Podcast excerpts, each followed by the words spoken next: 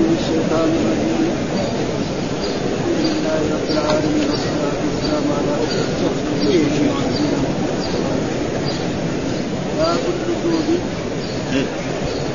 قال حدثنا علي بن عبد الله قال حدثنا يحيى بن قال حدثنا قال حدثنا بن ابي عائشه عن بن عبد الله بن عباس وعائشه بكر رضي الله عنه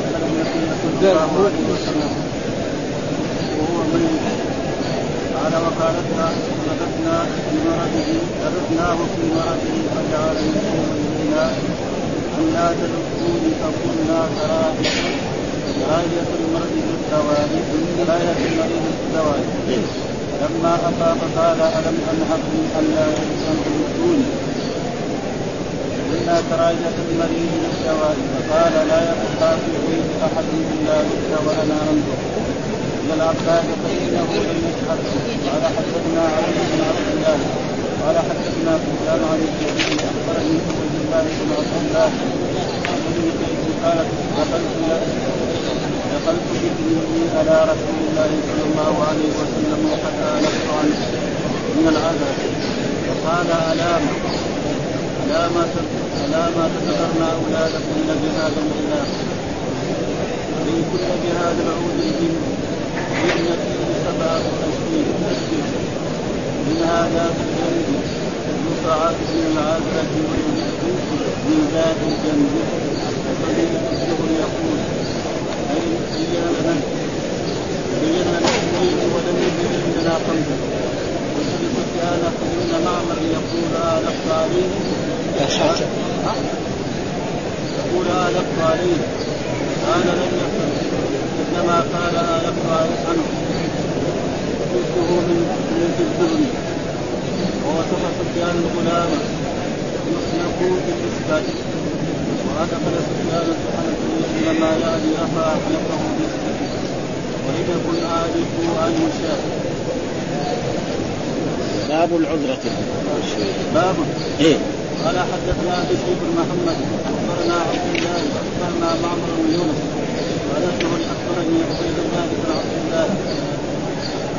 عبيد الله بن عبد الله بن عقبة أن عائشة رضي الله عنها زوج النبي صلى الله عليه وسلم قال لما فقد رسول الله صلى الله عليه وسلم واشتد به وجهه فأذن أزواجه مر في البيت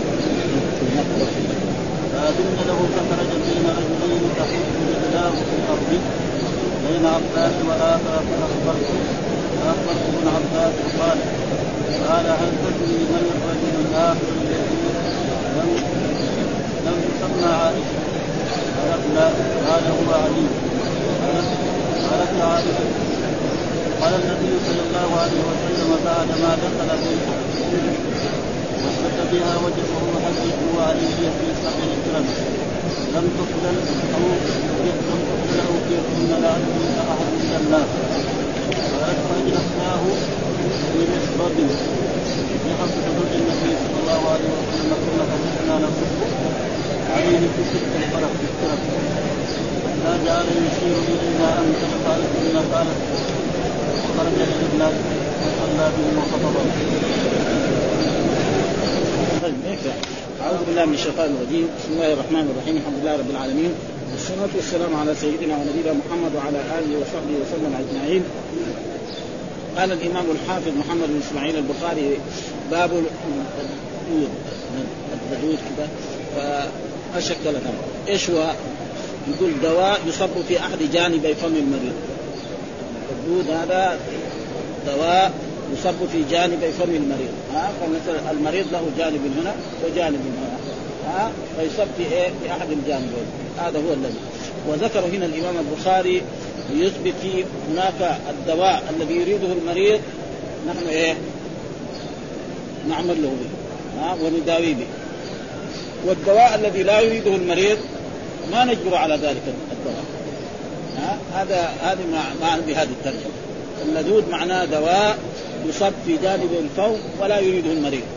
فهذا ما نفعل. فلذلك آه لما فعلوا ذلك الرسول صلى الله عليه وسلم خاصمهم ونهاهم عن ذلك وجاب الحديث الثاني لما أمرهم أن ياتوا بسبع قرب من آبار في المدينة ويصب عليه نعم أتوا به وفعلوا. آه نأخذ من هذه الترجمة أن كل دواء لا يريده المريض نحن لا نجبر المريض عليه. ليس لنا أن نجبر المريض عليه فإذا هو لا يريد هذا الدواء ما نجبر نقول له إلا في الجامع.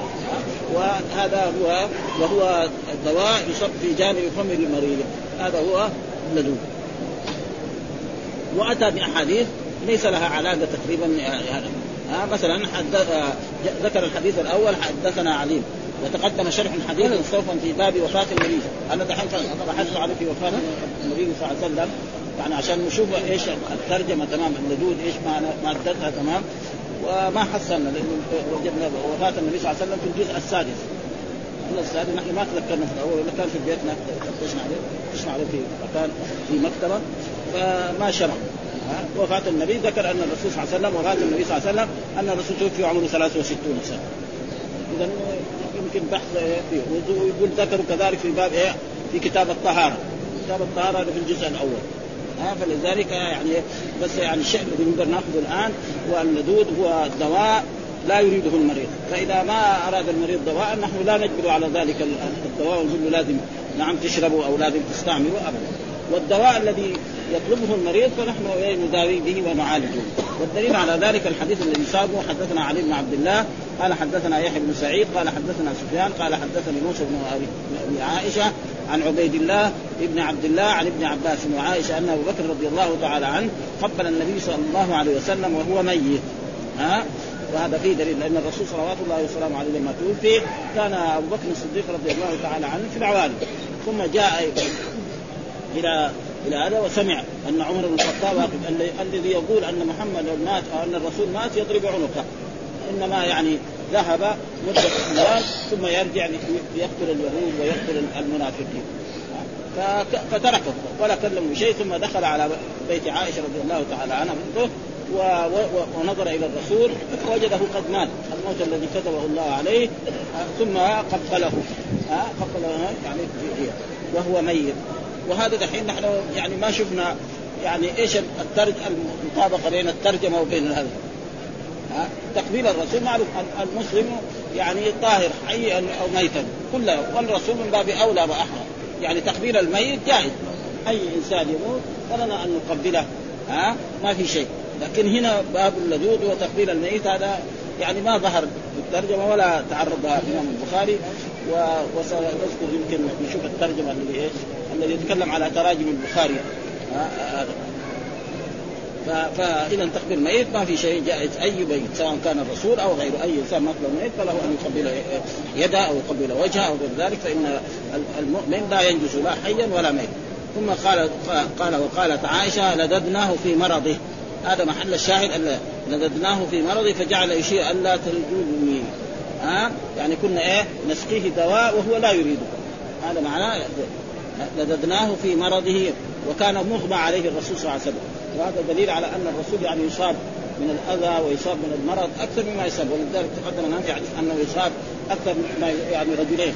ها مرض يكون أشد من غيره فجعل يشير إليه أن لا تلدوني ها لا يعني لا تفعلوا بها فقلنا فنحن قلنا هذا كراهية المريض بالدواء يعني نحن زي ها ها نعم. فقلنا هذا لما الرسول يقول لا تلدوني يعني لا تداوني بهذا الدواء.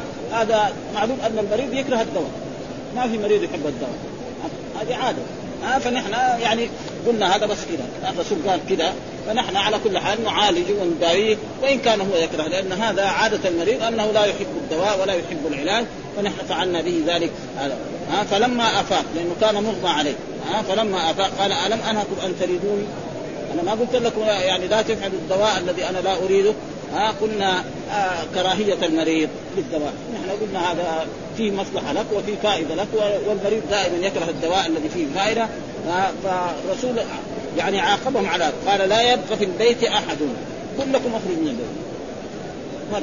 ها كلكم آه أمر بالخروج من البيت. ها إلا لدن وأنا أنظر. وأنا أنظر إلا العباس. ها أحد. إلا لد هذا. إلا لد اظن إلا خرج إلا لد وأنا أنظر إلا العباس. يعني العباس ما كان حاضر وقت ما اسقى الرسول هذا الدواء الذي لا يريده فقال العباس وأنتم الباقون كلكم اخرجوا منه ففي هذا الحديث إيش نتحصل من؟ يعني أن أن المريض إذا كان هناك دواء لا يريده نحن لا نجبر هذا المريض على هذا الدواء. فإذا جبرناه فقد أسأنا إليه. الرسول نهى عن ذلك. ها؟ فنحن دائما نداوي المريض إما دواء ما لا لا لا, قال لنا فيه شيء. لا كره ولا منعنا عنه فنحن نداوي أما إذا قال لنا هذا الدواء أنا لا أريده فيلزم علينا أن لا نعالجه بهذا الدواء. فلذلك الرسول قال فقال كراهية المريض. فلما أفاق لأنه كان مغمى عليه قال أو فقلنا كراهية المريض يعني للدواء. فقال الرسول يعني جزاء عليهم لا يبقى في البيت أحد. ها إلا رد وأنا أنظر. يعني إلا خرج من البيت وأنا أنظر. إلا العباس فانه لم يشهدكم العباس عم رسول الله صلى الله عليه وسلم لم يكن حاضر فهو يبقى في البيت وأنتم الذين أسقيتوني الدواء الذي أنا لا أريده أخرجوا من البيت. فخرجوا كلهم حسب أمر رسول الله صلى الله عليه وسلم. والشيء الذي نحن نستفيد الآن يعني الفائدة العلمية هو أن المريض إذا مرض مرضا وكان قال لنا في هذا الدواء هذا أنا لا أريده. ولا تعالجوني به ولا تسقوني إياه ولا هذا تداووني به فنحن نقبل كلامه ولا نفعل ها؟ ولو كان يعني هذا المرض فيما نعتقد أنه طيب هو انه في فائدة لأن الرسول نهى عن ذلك. هذا ما يعني. الحديث الثاني حدثنا علي بن عبد الله قال حدثنا سفيان عن الزهري أخبرني عبيد الله بن عبد الله عن أم قيس قال دخلت دخلت بابن لي على رسول الله صلى الله عليه وسلم وقد أعلقت عنه من العذرة فقال علامة تذعرن أولادكن. بهذا العلاج عليكن بهذا العود الهندي فإن فيه سبعة أشياء منها ذات الجنب يصعد من العذرة. ها؟ ويرد ويرد ويرد من ذات الجنب سمعت الزهري يقول بين لنا اثنتين ولم يبين لنا خمسة. قلت لسفيان فإن معمر يقول أعلقت عليه. قال لم يحفظ. إنما قال أعلقت عنه أعلقت عنه. حفظته من فزه الزهري. ووصف سفيان الغلام يحنك بالأصبع وأدخل سفيان في حنكه يعني إنما رفع حنكه بأصبعه. يقول في هذا الحديث برضو عن ان عبد الله عن, آه عن عبيد الله بن عبد الله عن أم قيس انها قال دخلت بابن لي على رسول الله صلى الله عليه وسلم. ها؟ يعني دخلت بابني على رسول الله صلى الله عليه وسلم وقد أعلقت عنه من العذرة، إيش العذرة؟ قلنا هو اللويثان يعني هذا لأنه إيه؟ يقول في اللحى. ومعلوم أن لسان الإنسان في آخر اللسان في لسان صغير هذا يسمى اللحى فكان الناس القدام في قديم الزمان وفي عهد رسول الله صلى الله عليه وسلم وهذا يصيب الأطفال كثيرا فكان إيش يساووا؟ يعني كان إيه؟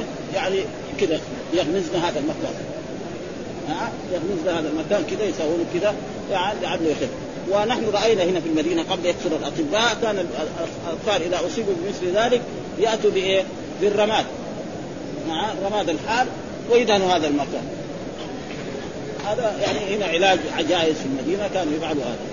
ها؟ فهو تقريبا هو الدواء القديم ذاك هو تقريبا. فهذا العذر معناه اللويزات. ها؟ دحين يسموه اللويزات. فاللويزات الآن يعني له تقريبا حقن وله أدوية وله يعني فهذا معناه قال من عذرة فقال علامة تذعرن أولادكن. ليش تذعرن أولادكن؟ إيش الذعر معناه؟ غمز الحلق. ها؟ إيش؟ غمز الحلق كذا يساوي كذا وهذا الظاهر إنه كان يخفف بالنسبة لهم فقال ليش انت تساوي كذا؟ ها؟ أنا يعني يمكن هذا دواء ما ينفع. لكن الرسول علم أمته دواء أحسن منه عليكن بهذا العود الهندي. يعني داووا بإيه؟ بالعود الهندي. ها؟ اللويزات يداووا به ويمكن دحين إن شاء الله يعني واحد يصاب بهذا يداوي هذا طب نبوي يصير. ها؟ الرسول يقول ومعروف العود الهندي. ويعني القسط وهذا يسمى معروف عود هندي وكذلك يعني عود في بعض البلاد. فإن فيه سبعة أشياء. فإن فيه العود الهندي هذا سبعة من العذرة الذي هو إيه؟ اللويزان ومنها ذات الجنب ذات الجنب معروف كذلك ها؟ يعني يصير الإنسان معه سعال شديد وسخ حمى شديدة. وقد كثير في في الزمن السابق كثير من الناس يموتوا في أيام الشتاء من هذا يعني نحن رأينا هنا في المدينة كان في والناس كمان اكلهم ضعيف وحالتهم فيها فقر فيمكن جملة من الناس تجد إيه يموتوا بذات الجنب في أيام الشتاء. ولكن الحمد لله الآن تقريبا مع أسباب العلاج والأدوية والهذا خف جدا. ها وقد كثير من الناس يصابوا بذلك ويشفوا بإذن الله سبحانه وتعالى. فهذا ذات الجنب وهي معروفة. ها يقولوا وبعضهم بالكي الآن بعض الناس بالكي كذلك قد إيه يزول ذلك ويشفى بإذن الله. فهذا وخمسة ما ذكر. الرسول يقول سبعة أشفية في يعني وذكر اثنين ولم يذكر. ارجع ورا شوية. ولم يذكر إلا اثنين. طيب كيف هذا الجواب؟ الجواب على ذلك يعني الرواة الذين سمعوا من الرسول في الغالب أن قال لهم السبعة كلهم. يعني في غالب الأحيان أن الرسول ذكر لهم السبعة الآن الأشياء اللي فيها. في ذلك ولكن حفظ البعض ناس حفظوا اثنين وناس ما حفظوا إلا يعني حفظوا الخمسة. والعادة دائما الإنسان وهذا شيء مشاهد. يعني مثلا إمام أو خطيب يخطب في الجمعة ونسأل الذين خرجوا من صلاة الجمعة ماذا قال الخطيب؟ واحد يجيب لنا جملة واحدة. واحد يحفظ الخطبة صمت واحد يجيب لنا جملتين أو ثلاث وهذا شيء مشاهد يعني ها؟ فلأجل ذلك الرسول لما قال سبع اشياء لازم يبين بينها لأمته ها؟ ولكن الآن هذول الذين رووا جابوا اثنين وما ذكروا الخمسة. الرسول ذكرها ولا ما ذكرها؟ ذكرها الرسول صلى الله عليه وسلم تعليما لأمته وبيانا لأمته. نعم. ولكن الآن بعضهم حفظ وبعضهم لم يحفظ. والذين رووا هذا الحديث ذكروا اثنان وما تركوا خمسة وتسير الأحاديث متجمعة بعضها على بعض. لأن الرسول ما يذكر شيء يقول فيه شفاء لنا. ها يبين لنا كل شيء. ها فبينها الرسول صلى الله عليه وسلم لا شك. ولذلك آه بين لنا اثنين ولم يبين لنا خمسة. يعني آه الراوي قلت لسفيان فإن معمرا يقول أعلقت عليه. ها؟ قال لم يحفظ. ها؟ إنما قال أعلقت عنه يعني اعلقته معنى قلنا أعلقت عنه معنى دويت بإيه؟ بدواء الذي هو اللويزات الذي يكون فيه وهو لسان صغير يكون في أسفل الحلق. وهذا يلتهب فإذا التهب كثيرا ما إذا التهب يعني يسبب خطيره ويسبب سخونة وخصوصا في الأطفال وخصوصا في أيام في أيام الشتاء وفي أيام الحر ها؟ يصاب الأطفال كثير ويصاب الكبار. فإذا أصاب الإنسان يصير معاه سخونه ومعاه ترتفع الحرارة. ها؟ فالرسول قال هذا هو بالعود الهندي الآن في أدوية كثيرة يمكن تنفع في هذا. ثم حفظته من حفظته من من في الزهري يعني من فم الزهري. من حرف جر وفيه اسم من الأسماء الخمسة مجموعه على مجر الياء نيابة عن الكسرة لأنه من الأسماء الخمسة. من فيه الزهري. مين الزهري؟ الزهري محمد بن مسلم الزهري شيخ المحدثين ابن شهاب. مرة يقول الزهري مرة يقول محمد بن مسلم مرة يقول ابن شهاب. هو شخص واحد. لكن إيه؟ لأنه معروف شيخ المحدثين في الحجاز كله. جميع المحدثين من الت... من بعد الصحابه من بعد التابعين ومن بعد التابعين هو يعني شيخ سعيد بن المسيب وبعد ذلك هو صار شيخ لمالك وغيره. ها؟ وصف سفيان الغلام. ها؟ وصف سفيان. مين وسفيان الذي في الحديث؟ سفيان بن عيينة أو سفيان الثوري يحنك بالإصبع. يعني كده يدخل إيه؟ اصبعه في إيه؟ ويرفع إيه؟ على فوق. ها؟ العجائب يسوي هذا. ها؟ كثير من البلدان كده. عجائز مسوين أطباء في البيوت يساوي كذا يقول هذا ولا يزال إلى الآن موجود. ها؟ ها؟ ها؟ بالإصبع. وادخل سفيان في حنكه إنما يعني رفع حنكه باصبعه ولم يقل اعلق عنه شيئا. فتحصلنا من هذا أن يعني الحديث الأول أن الدواء الذي لا يريد المريض لا نعالجه به ولا نجبره على ذلك. والدواء آه وأن وأن العود الهندي هذا في سبعة بهذا العود الهندي في سبعة أشهر يشفي العذرة التي هو اللويزات ويشفي ذات الجم والرسول ذكر سبع أشياء ولكن حفظها البعض ولم وكان من دواء يعني اللويزات أن الإنسان يدخل إصبعه في في فم الطفل الصغير ثم يرفع عنكه عشان إيه؟ يكون بعيد عن اللويسات والبعض دحين صار يخرجوها. ها؟ إذا التهبت كل مرة تلتهب الآن يخرجوها في الطب الجديد ويكون عملية سهلة ما فيها يعني اي اي ثم ذكر باب. وقلنا غير ما مر أن الإمام البخاري إذا ذكر باب بدون ترجمة معناه كفصل هذه قاعدة علمية عند إيه؟ عند الإمام البخاري لما يذكر باب وما يذكر ترجمة هناك باب العذر أو باب اللدود هنا باب العذره هذا يسمى باب آه لما يقول باب ولا يذكر ترجمة هذا فصل زي العلماء العلماء مرة يكتب كتاب مرة يكتب باب بعدين يكتب فصل فهو الإمام البخاري بدل ما يقول فصل يقول باب بدون ترجمة ها آه؟ إيش هو الباب هذا؟ وهو تابع لإيه؟ لباب اللدود هذا إيش الباب؟ أنه ذكر فيه أن الرسول صلى الله عليه وسلم طلب من من أهله أن يأتوا بسبع قرب. نعم موكات ويصبوها عليه. ومعلوم أن الرسول كان أصيب بسخونه تقريبا فصبوه عليه. فهذا يثبت دليل على أن المريض إذا طلب دواء نحن نعالج بهذا الدواء. ها ما نقول له لا. ها فلذلك أتوا بالسبع القرب من أطراف من من, من, يعني من آبار في المدينة. جملة من الآبار مر علينا كان زمان. ثم بعد ذلك أجلس الرسول في مخدب وهو زي الطشت ثم صبوا عليه السبع القرب دي كلها. فيعني صار عنده نشاط وخرج الرسول صلى الله عليه وسلم إلى هذا المسجد وصلى بأصحابه وخطبهم خطبة. نعم. فهذا ما يريد الإمام البخاري بهذه الترجمة. قال حدثنا بشر بن محمد قال أخبرنا عبد الله قال أخبرنا معمر آه ويونس قال الزهري قال أخبرني عبد الله بن عبد الله بن عتبة أن عائشة رضي الله تعالى عنها زوج النبي صلى الله عليه وسلم قالت لما ثقل رسول الله صلى الله عليه وسلم يعني لما اشتد مرضه ثقل معناه اشتد مرض الرسول صلى الله عليه وسلم يعني. واشتد به وجعه استأذن أزواجه في أن يمرض في بيته يعني كون الرسول مريض. وله تسع نسوة وكل يوم ينتقل من بيت واحد إلى الثاني. هذا فيه مشقة على رسول الله صلى الله عليه وسلم فطلب من أزواجه أن يأذن له أن يمرض في بيته. كل واحدة تجي تزور في بيت عائشة وهو يمكث في بيت عائشة لا ينتقل من إيه؟ من غرفة إلى غرفة أو من بيت إلى بيت فأذن له جميعا فصار في بيت عائشة. فخرج فلما أذن ووثى كنا يزورنا وفي يوم من الأيام خرج الرسول بين رجلين. ها تخط رجلاه. يعني إيه يجر رجلاه مع شدة المرض يخط رجلاه كذا بالقصيبة زي المريض ما يقدر يدعس على رجليه تمام؟ فواحده منه إيه؟ رجلاه يعني بكل رجلاه ها؟ في الأرض.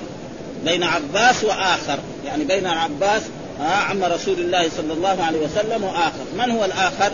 آه سألت فيها آه يعني عبد الله بن عباس والاخر مثلا علي بن أبي طالب.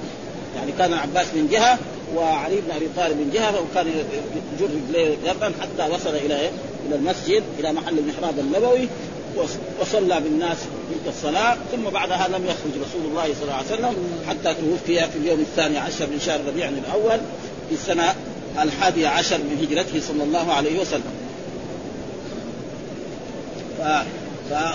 فأخبرت ابن عباس قال هل تدري من الرجل الآخر الذي لم تسمي عائشة؟ ها؟ ها, ها؟ قال لا. ها؟ قال ذلك علي بن أبي طالب.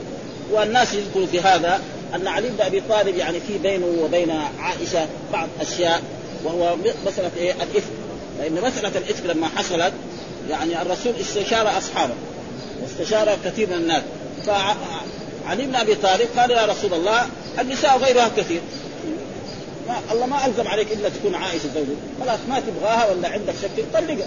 فهذه على كل حال لما هي تسمع يعني توجد إيه؟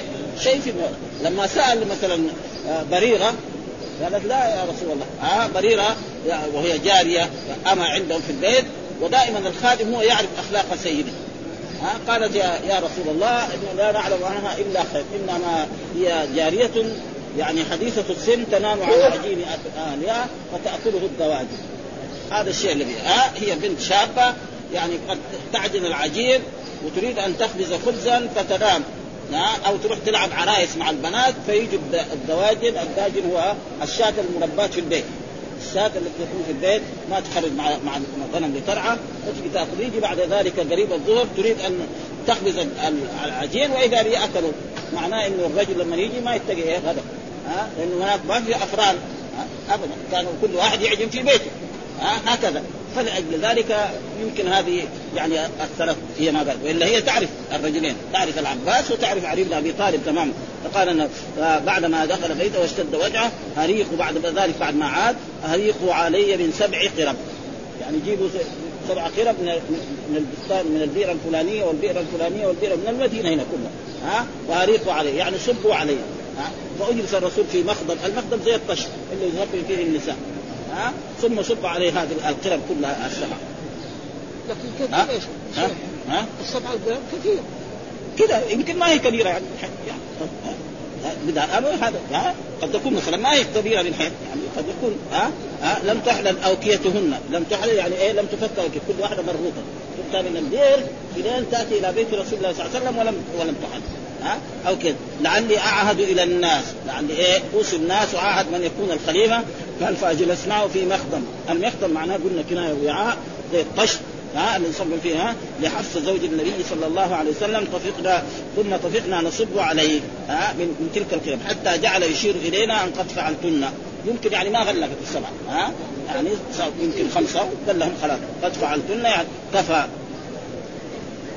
قالت وخرج إلى الناس فصلى بهم وخطبهم. خرج في ذاك اليوم إلى الناس وصلى بهم وخطبهم خطبة قصيرة وبين لهم فيها شيء وما ذكر لنا هنا الإمام البخاري الخطبة التي الرسول لما شد به المرض أمر ابا بكر أن يصلي بالناس.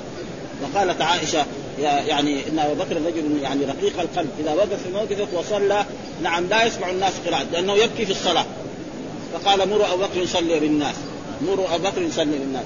ها عدة مرات وصار أبو بكر يصلي بالناس وهذا فيه دليل على أنه الخليفة أحق الناس بالخلافة بعد رسول الله صلى الله عليه وسلم أبو بكر الصديق. لأنه الرسول قال لأبي أقرأكم أبي. ومع ذلك الرسول شهد لأبي بالقراءة أحسن واحد في القرآن. أبو وما شهد لأبو بكر. ومع ذلك لما مرض يقول مروا أبو بكر يصلي بالناس. معناه إذا مين؟ يعني هو أحق بالخلافة من غيره. ولذلك دغري بعد ما توفي الرسول الصحابة المهاجرون بايعوا دغري أبو بكر الصديق وقال له عمر بن الخطاب هو قال بايع أحد الرجلين إما عمر وإما أبو عبيدة فقال كيف يبايع؟ وأنت الذي أمرك الرسول. وفي بعض الروايات يعني وإن كانت ما صحيحة أن بعض الناس كانوا إذا جاءوا إلى رسول الله صلى الله عليه وسلم يطلب منه بعض الأشياء يقول إن لم تجدوني فتجدوا أبا بكر. معناه إيه؟ إنه هو الخليفة. ها؟ فلذلك هذا يعني وهنا في هذه الترجمة يقول في وذكر في حديث عائشة لما تقل النبي صلى الله عليه وسلم واشتد وجعه استأذن أزواجه أن يمرض في بيته. وقد تقدم شرحه في الوفاة النبوية. ومن قبل ذلك في كتاب الطهارة والغرض منه قوله أريق علي من سبع قرب لم تحلل اوكيتهن وقد تقدم بيان الحكمة فيه في الطهارة. وقد استشكر ابن بطال مناسبة حديث الباب للترجمة الذي قبله. بعد أن تقرر أن الباب كان بلا ترجمة. يكون كالفصل. من الذي قبله. وأجاب باحتمال أن تكون أشار إلى أن ذلك يفعل بالمريض لأمره. لا يلزم فاعل ذلك له. إذا طلب المريض دواء ونحن نعمله ما المريض ما يلام. والناس لا يلومونه. ها؟ فلذلك الرسول قال لهم وهذاك لما كانوا يداووه باللدود هذا يعني يعني غضب الرسول عليهم وأمرهم بالخروج بإيه؟ من المكان الذي كانوا. فيه. على كل بخلاف ما نهى عنه. أن لا يفعل به لأن فعله جناية عليه فيكون فيه قلت ولا يخفى ويمكن أن أن يقرب بأن يقال اولا إنه أشار إلى أن الحديث عن عائشة في مرض النبي وما اتفق له فيه وما اتفق له فيه واجب وما اتفق له فيه. واحد ذكره بعض الرواة تماما واقتصر بعضهم على بعض. يعني وما اتفق له فيه واحد ذكر بعض الرواة تاما واقتصر بعضهم على بعض. وقصة اللدود كانت عندما اغمي عليه وكذلك قصة السبع القرب لكن كان نهى عنه. ولذلك عاتب عليه بخلاف الصبر فإنه كان يأمر فلم ينكر عليه فيؤخذ أن المريض إذا كان عارف آه، آه، عارفا لا يكره على تناول شيء. عارفا لا يكره على تناول عارفا كده مطلوب. لا يكره لا يكره على تناول شيء ينهى عنه ولا يمنع من شيء يأمر به. هذا هو المقصود. يعني الدواء الذي يريده المريض وأمرنا به نعالج به والدواء الذي قال لا تفعلوه فنحن لا ثم ذكر باب العذرة. والعذرة قال بضم المهملة وسكون الدال المعجمه وهو وجع الحلق. وهو اللويزان ها؟ ها؟ اللويزات. مرات تكون شديدة اللويزات. حتى ما يقدر يبلع الإنسان. صوته ما يخرج ومرات تكون خفيفة كده. إذا أخذ له مصل بعض الأشياء الموجودة الآن دغري تعب. ابدا. هو شيء معروف يعني. ها فالعذرة يعني اسمها القديم دحين إيه اسم جديد في الطب الجديد يقول له وتصيب الكبار وتصيب الصغار وتصيب في أيام الصيف وفي أيام الشتاء إلى غير ذلك فهذه هي العذرة. ها يقول العذر ضم المهمله وسكون الدال المعجمه هو وجع الحلق وهو الذي يسمى سقوط اللهات ها سقوط اللهات وانه يعني اللسان العلوي ده يسقط على هذا ويصير يلتهب فينتفخ بعد الانتفاخ فيصير فيه أثر. ها لو تكلم حتى ما يسمع. في مرات يشتد لو يتكلم ما يسمع له صوت ابدا. فهذا هو وهو الذي نسميه الآن باللويزان ها؟ فرسول الله صلى الله عليه وسلم طبيب لأرواحنا ولاجسامنا ها؟ الرسول صلى الله عليه وسلم طبيب للأرواح والاجسام، أما طبيب الأرواح هذا ما, ما يحتاج، ها؟ وطبيب للاجسام، فإذا قال الرسول صلى الله عليه وسلم هذا الشيء فيه دواء استعمل أيها المسلم، ها؟ فإنه سيشفيك من ذلك لا شك في ذلك ابدا. فيقول هنا في هذا الحديث حدثنا أبو اليمان أخبرنا شعيب عن الزهري قال أخبرني عبيد الله بن عبد الله عن أم قيس بنت محسن الأسدية أسد خزيمة وكانت من المهاجرات الأول اللاتي بايعن النبي صلى الله عليه وسلم وهي أخت عكاشة بن آه، محسن عكاشة مثلا أخبرت أنها أتت رسول الله صلى الله عليه وسلم بابن لها قد علقت عليه من العذرة فقال النبي صلى الله عليه وسلم علامة تذغرن أولادكن؟ علامة تضغرن أولادكن بهذا العلاج عليكن بهذا العود الهندي. فإن فيه سبعة أشفية منها ذات الجنب يريد الكس وهو العود الهندي. قال يونس وإسحاق بن راشد عن الزهري علقت عليه. يقول في هذا الحديث عن هؤلاء الأئمة أبو اليمان شعيب عن الزهري شيخ المحدثين أخبرني عبيد الله بن عبد الله أن أم قيس وهي من أصحاب النبي ومن صحابية من صاحب النبي صلى الله عليه وسلم بنت محسن الأسدية. يعني من قبيلة أسد أسد خزيمة لأن الأسد في إيه؟ أسد خزيمة الذي في جهة مكة وأسد إيه؟ التي في جهة نجد وكانت من المهاجرات الأول كانت من المهاجرات الأول اللاتي بايعن النبي صلى الله عليه وسلم والرسول كان يبايع النساء بدون إيه مصافحة قال الله تعالى في سورة الممتحنة يا النبي إذا جاءك المؤمنات يبايعنك على ألا يشركن بالله شيئا ولا يسرقن ولا يقتلن أولادهن ولا يأتين بهتان يفترينه بين أيديهن وأرجلهن ولا يعصينك في معروف فبايعهن واستغفر لهن الله. فالرجل الأجنبي لا يجوز له أن يصافح امرأة أجنبية يعني هذا الحكم الشرعي. ولكن هذا ما بيقع. ها؟ رجل أجنبي يقابل أي مرأة. يعني خصوصا إذا كان في قرابة. يعني تجد يقابل. وهذه المسائل لو أراد الإنسان يشدد فيها جدا يعني يختصم مع أقاربه ومع أهله ويؤدي إلى شقاق لا بأس. فعلى كل حال يعني المسألة حكم الشرع لا يجوز. ولكن لو أراد يشدد في هذا الموضوع يعني بده يقع بينه وبين أهله وبين أقاربه شيء. آه مثلا رجل زوجة خاله ولا زوجة عمه ولا زوجة أخوه يجي من تصافح فإذا ما في خلوة على كل حال الشر ما يعني وإلا الحكم الشرعي هو هذا. فالرسول الذي هو افضل البشر ما ما ما يصافح النساء. ما الرسول يبايع النساء بدون مصافحة. ما في الرسول أعظم ولا يمكن أن يقع منه شيء يعني. لكن نحن الناس المسلمين فعقل ما يكون عقل ما يكون يعني واحد فعل ذلك يعرف إنه غلطان. ها؟ يعني ما في واحد يعني سالم من هذا ابدا ها؟ يعني ما يمكن. فلذلك أقل ما يكون فلذلك لو كانت بايعنا النبي وهي أخت عكاشه المحصن كما جاء أخبرت أن أتت رسول الله بابن لها قد علقت عليه من العذرة. يعني قد مرض من إيه؟ من اللويزات العذرة اللويزات الذي تأتي في الحلق ويكون فيها التهاب شديد. حتى الإنسان ما يستطيع يمكن الماء ما إذا اشتد فقال النبي صلى الله عليه وسلم علامة تذعرن أولادكم ها؟ يعني آه غمزت. والذعر يعني غمز إيه؟ الحلق. غمز الحلق. ها؟ كذا كذا كانوا يداووا بهذا. ها؟ يعني كانوا القدام كذا يساووا كذا. هذا دواء ونحن رأينا هنا في المدينة كانوا يؤتوا بالرماد حار نعم ويطلوا هذا المكان. هنا في المدينة كان يعني جائز يفعلوا هذه الأشياء وقد يخف. وقد يربط عليه بشيء كذلك. الان لا الحمد لله في أدوية وفي حضن وفي أشياء. آه يقول علامة تذعرنا يعني تغمزنا. ها ليش تغمزنا؟ والدغر غمز الحلق ها غمزت. إيش معنى أعلق؟ يعني غمزت. ها هذا غمزت.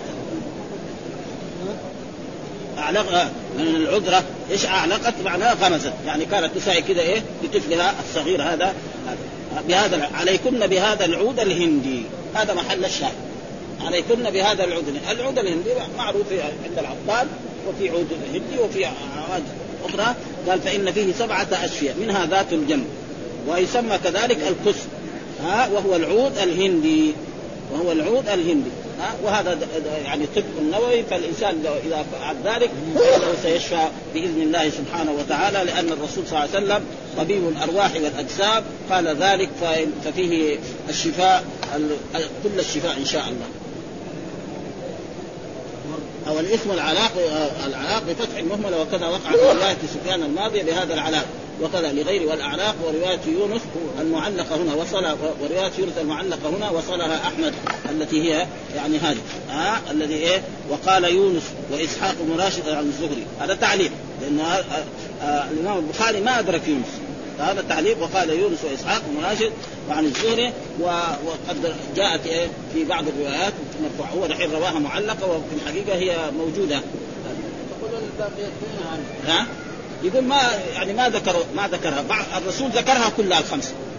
ها؟ لكن الذين رأوا ذكر بعضهم ولم يذكروا البعض. يمكن لو فتشت الأحاديث الثانية يمكن يوجد في كتب السنن وهذا يمكن. وإلا الرسول لما ذكر لهم سبعة لازم يذكرها لهم. ابدا. ها؟ الرسول ذكرها لا شك. بس إنما نحن قلنا انه دائما الأحاديث لما يروى ناس يحفظ الحديث كامل وناس يحفظ جملة منه. وهذا شيء مشاهد. وزي ما قلنا مثلا خطيب يخطب في الجمعة ونقول لإنسان اليوم إيش خطب الخطيب؟ يقول لك ما أدري. يا إمام يصلي. صلاة نقول له إيش قرأ الإمام؟ يقول ما يدري. هو صلى مع الناس. ليه؟ لأنه فكر رايح من هنا ومن هنا واحد يقول لا لا جملة واحدة. واحد يقول جملتين. واحد يحفظ الخطبة صم. ها؟ مرة. حافظها خلاص. كلها. ليه؟ لأن الفكر وقد تقدم لنا كان في في يعني في لما قرأنا في البخاري في كتاب الصلاة أن الرسول صلوات الله وسلامه عليه مرة من المرات صلى وحال ما صلى خرج إلى بيته. ما هي عادة الرسول أنه إذا صلى يخرج إلى بيته بسرعة؟ فلما صلى حال ما سلم خرج الرسول إلى بيته ثم رجع. شاف الصحابة يعني تشوف إيش السبب؟ ما هي عادة الرسول حالا يخرج؟ فقال إني تذكرت تبرا في البيت لم يقسم التبر إيه؟ يعني ذهب ومعاه شيء التراب حق فأمرت بقسمته لهم كده ها ثم بعد ذلك البخاري ساق هذا ثم ساق بعده حديث آخر أن أبا هريرة صلى العشاء مع رسول الله صلى الله عليه وسلم في ليلة من الليالي ثم في اليوم الثاني سأل رجل من الصحابة ماذا قرأ الرسول في العشاء الآخر البارحة؟ صحابي زميله. قال له هذاك أنا ما أدري. قال له أما أنا أدري. معناه إيه؟ إن أنا أنت يعني فكرك راح برا. هذا معنى وهذا شيء دحين لو قيل الإمام إيش قرأ في العشاء؟ في ناس يدروا في ناس ما يدروا. هذا اللي يعرف القرآن. خلي العام نحن العوام ما نبلش ها؟ واحد يكون حافظ القرآن ويعرف القرآن نقول له إيش قرا الإمام. بعضهم يعرف وبعضهم ما يدري. هذا في الليلة إيه؟ بعد هذه الليلة. وأما بعد خمسة ليالي ست ليالي هذا من باب أولى وأحد. ها؟ فلأجل ذلك هذا. فقال بهذا العود ويسمى بالعود الهندي. فيقول هنا وهذا قال ورواية معه وصلها ورواية يونس المعلقة هنا وصلها أحمد ومسلم ورواية إسحاق بن راشد وصلها المؤلف في باب باب ذات الجنب وسيأتي قريبا. ورواية معمر التي سأل عنها ابن عبد الله سفيان أخرجها أحمد عن عبد الرزاق. ولكن هنا رواه هو إيه الإمام البخاري معلق. بهذا العود الهندي يريد الكس ويسمى الكس طيب الكافور والقافور. الكافور هذا الذي يجعل يعني في الأموات. يقال. يشرب عليه. أيوه يشرب هذا يحط في الحق. الظاهر إنه يدق ويجعل في ماء. باب الصعود بالقصة وكذلك باب الصعود بالقصة الهندي. ها هذا. الصعود معناه يجعل في إيه؟ في الانف والانف معروف أنه مرات يحتضن يصير في هذا. وكذلك يعني ثم قال باب دواء المبطون باب دواء المبطون إيش المبطون؟ المبطون الذي يصيبه إسهال. ها المبطون معناه مرض. يصيب إيه؟ مع إسهال. إيش سبب الإسهال؟ هذا فيه له أسباب. فإذا أصيب المبطون بالإسهال فله علاج. نبوي عن رسول الله صلى الله عليه وسلم. إيش هو الدواء قال العسل الرسول قال رجل جاء إلى النبي صلى الله عليه وسلم وقال إن أخي اطلقت بطنه. فقال له الرسول اسقيه عسل. فراح سقاه عسل زاد. رجع للرسول. قال له أنا سقيت عسل كمان زاد. قال له كمان اسقي عسل. فسقاه. بعد الثالثة بعد الرابعة بريء شفى والله يقول فيه شفاء للناس. نص القرآن. العسل قال الله فيه شفاء للناس. خلاص. ها فلازم. فإيش معنى؟ إنه هذا المريض أول ما أخذ يمكن يعني أصابته تخمة شديدة. أكل اكلا كثيرا حتى بطنه تخمت فلما جاء العسل يعني ما كان يعني على قدر ما يحتاج. لأن العسل لابد يكون إيه؟ على قدر الدواء. يعني زي ما يقول دحين الطبيب يعطيك دواء يقول لك استعمل ملعقة. ما يقول تستعمل ملعقتين ها؟ يستعمل فنجان استعمل فنجان. استعمل فنجان فهو إما قلل أو كثر وكانت المعدة فما نفع. المرة الأولى المرة الثانية المرة الثالثة المرة الرابعة دغري شفى فالرسول قالوا كما جاء في بعض الأحاديث صدق الله وكذب بطن أخيه. الله يقول فيه شفاء الناس. ما يحتاج. خلاص. ليش أنت بطنك ما تشبع؟ إذا بطنك وكذب هنا بمعنى أخطأ. يعني ما ناسب العلاج في الأول لكن بعدين المرة الثانية وهذا شيء مشاهد. العسل فيه شفاء لكثير من الأمراض حتى الاجراح واحد يكون معاه جرح في يده ولا في رجله يساوي عسل يتعافى. دحين طب يعني موجوده هذا خلي عادة كان في البطن ولا هذا. فلذلك باب دواء المبطون، إيش المبطون؟ هو الذي أصابه اسهال بسبب من الأسباب الامراض اما تخن أو جاع جوعا كثيرا إلى غير ذلك ولذلك قال المراد بالمبطون من اشتكى بطنه هذه إفراط الإسهال وأسباب ذلك متعددة. ها؟ فيقول ثم بعد ذلك ذكر الحديث الذي هو إيه؟ حدثنا محمد بن بشار. نعم. هذا عنده شارع. ها؟ العسل ها؟ العسل لا العسل العسل الذي من ال من ال من. من ال- من, ال- من الذباب هذا. أما العسل اللي يساووه من السكر أو يساووه الصناعي ده ما يصلح. نعم. إيه؟ العسل الذي إيه؟ من نفس ال- ال- ال- النحل. هذا هو ها؟ وإن كان يعني الموجود في أوروبا وفي هذا يعني هم ما يغشوا.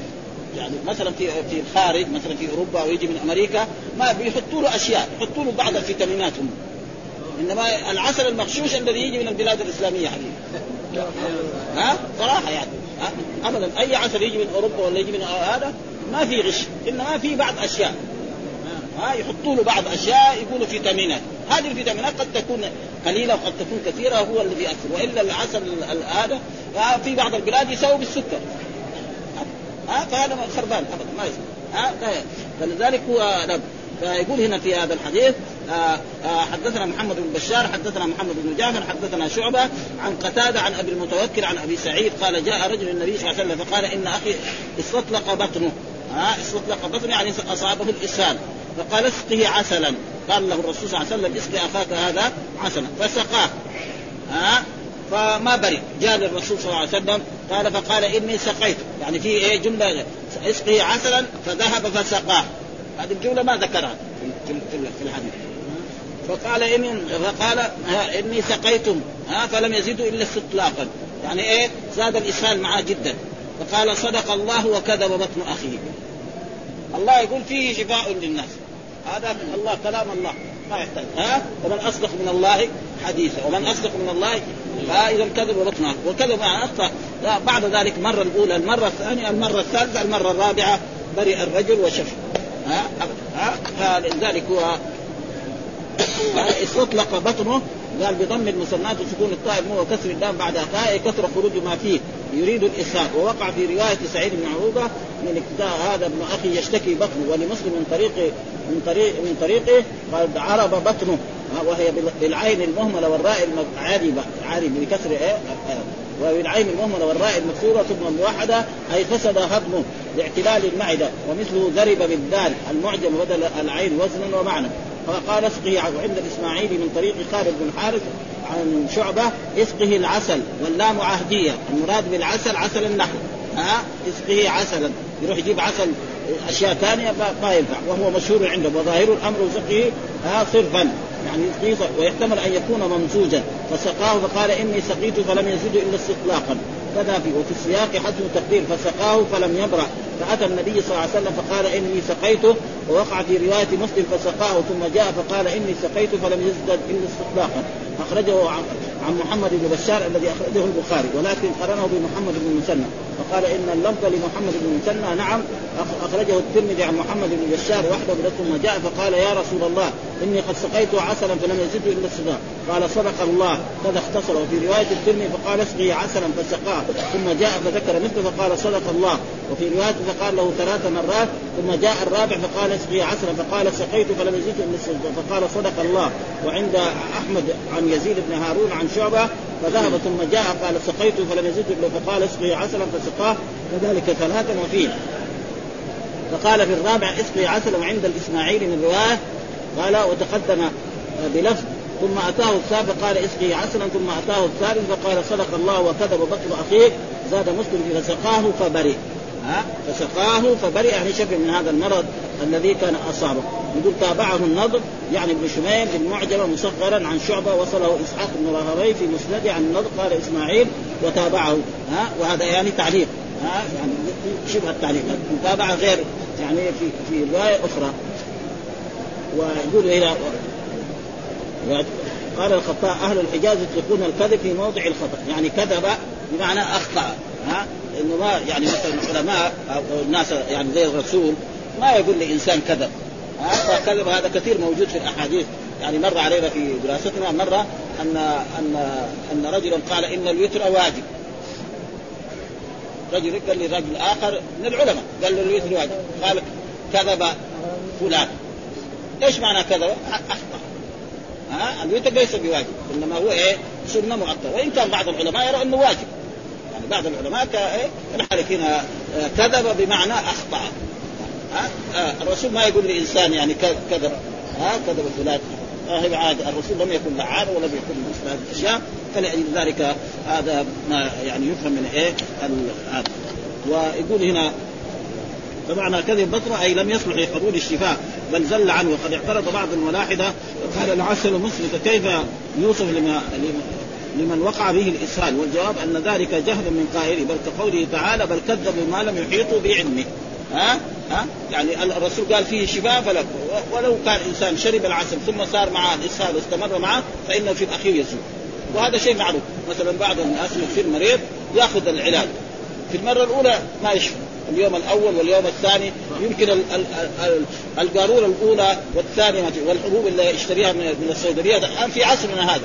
نعم يأخذ كم مرة؟ ولا يشفى. بعد ذلك يشفى. له وقت معين. فلذلك لا يلزم من ذلك أننا نحن نقول بالاشياء فالعسل فيه شفاء فيه شفاء. فلما نبه على هذه الحكمة تلقاها القبول فشفي بإذن الله. ثم كذلك لازم المريض يعتقد أن هذا الدواء فيه شفاء. إيه؟ أما إذا كان يعتقد ما فيه ما ينفع كذا ابدا. يعني حتى الدواء حق الطبيب. لكن هو لأنه دحين بعض الناس يبغى يأخذ الدواء من الطبيب هو يبغى إلا حقنة. فيعطيه الطبيب أدراس يروح يرميها في الشارع. هو مو معتقد إنه هذا فيه دواء. ولو شربه ما ينفع. أو يكون عنده اعتقاد إنه فيه فائدة. فإذا هذا يصير. فلذلك ما ينفع. عليه والحمد لله رب العالمين. وصلى الله وسلم على نبينا محمد وعلى آله وصحبه وسلم.